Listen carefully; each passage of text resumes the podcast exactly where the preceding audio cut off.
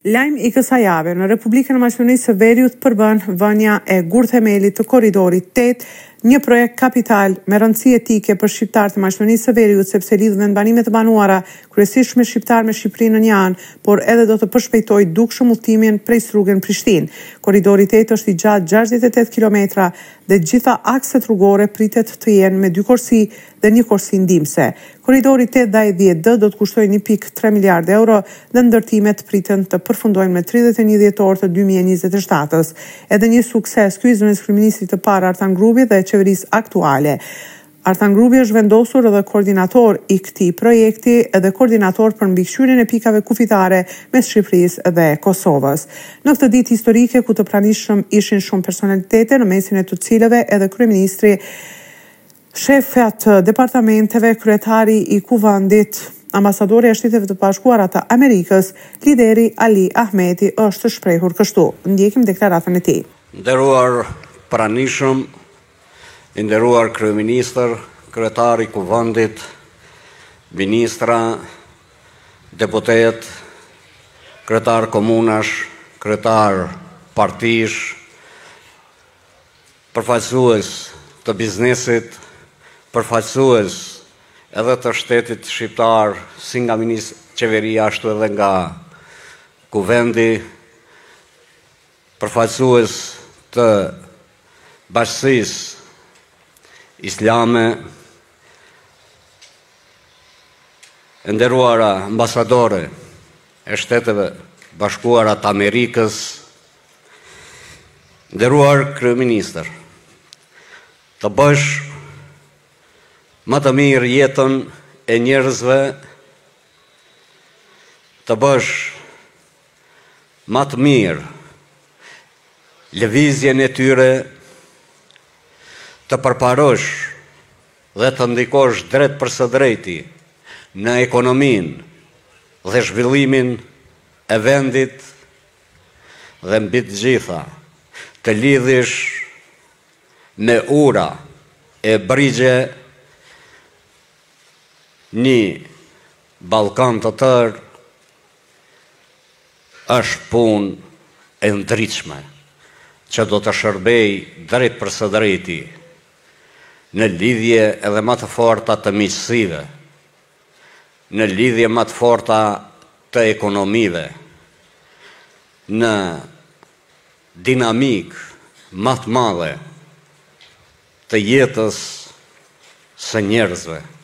Kjo është mrekullia dhe do doja t'i uroj në radhë të parë shëndet e tani suksese kompanisë ndërtuese Bechtel-Enka, paçin suksese e sa ma shpejt ta mbyllin programin e tyre sipas agjendës së përcaktuar. Rrofshi e qofshi! Faleminderit! Pavarësisht sukseseve pas mbledhjes së fundit të mbajtur në BDI, grupi i të pakënaqurve apo grupi i zjarrit tashmë kanë dalur publikisht si fraksion. Ata këtë e kanë bërë pasi me njëzet e gjashtë vota pro u miratua Plani i suksesit të ministrave aktualë dhe vetëm gjashtë vota ishin kundër. Ata kanë thënë se do të vazhdojnë të jenë pjesë e partisë, do të funksionojnë si fraksion, nuk mund të përjashtohen nga partia sepse janë zgjedhur me kongres dhe me organe të partisë dhe do të marrin pjesë në mbledhje duke qenë të zëshëm.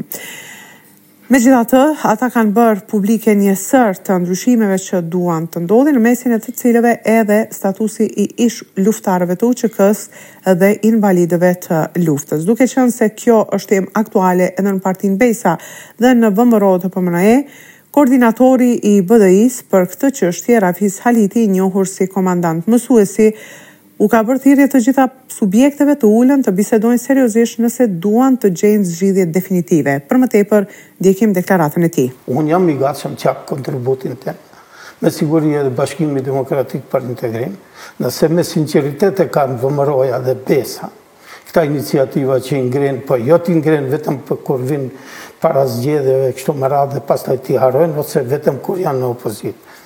Ja, unë jam Pjesëtar i pozitës në këtë rast ju bëj thirrje nëse janë të interesum lirisht numrin tem telefonit e kanë le të më thrasin se jam i gatshëm në çdo moment të ulem në interes të zgjidhjes së këtyre çështjeve. Ndërkohë ka filluar diskutimi për ndryshimet kushtetuese dhe duket se vështirë është që të arrihet diçka. E para dhe ajo më e rëndësishmja është që tashmë VMRO-DPMNE edhe pse është përcaktuar afat ligjor që të dërgojnë përfaqësuesit e tyre partitë politike për grupet e punës të ndryshimeve kushtetuese, VMRO-DPMNE pengon dhe nuk ka emëruar askënd.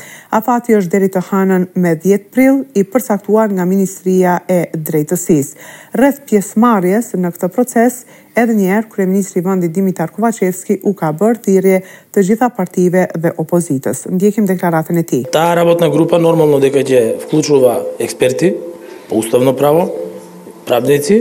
Ky grup pune do të ketë ekspertë të drejtës kushtetuese dhe do të thirrin ekspertë nga partitë, që do të thotë edhe nga opozita.